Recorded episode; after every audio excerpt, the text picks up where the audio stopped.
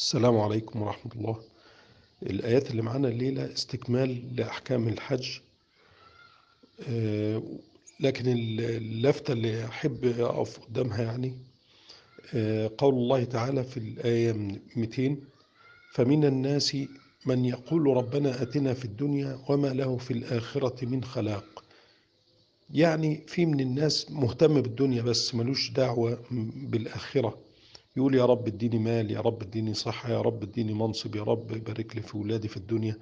وما له في الآخرة من خلاق يعني مش مهتم بالآخرة.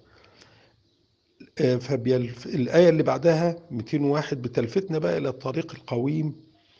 ومنهم من يقول ربنا أتنا في الدنيا حسنة وفي الآخرة حسنة وقنا عذاب النار. فلابد أن يجعل الإنسان همه في الآخرة كما يهتم بالدنيا.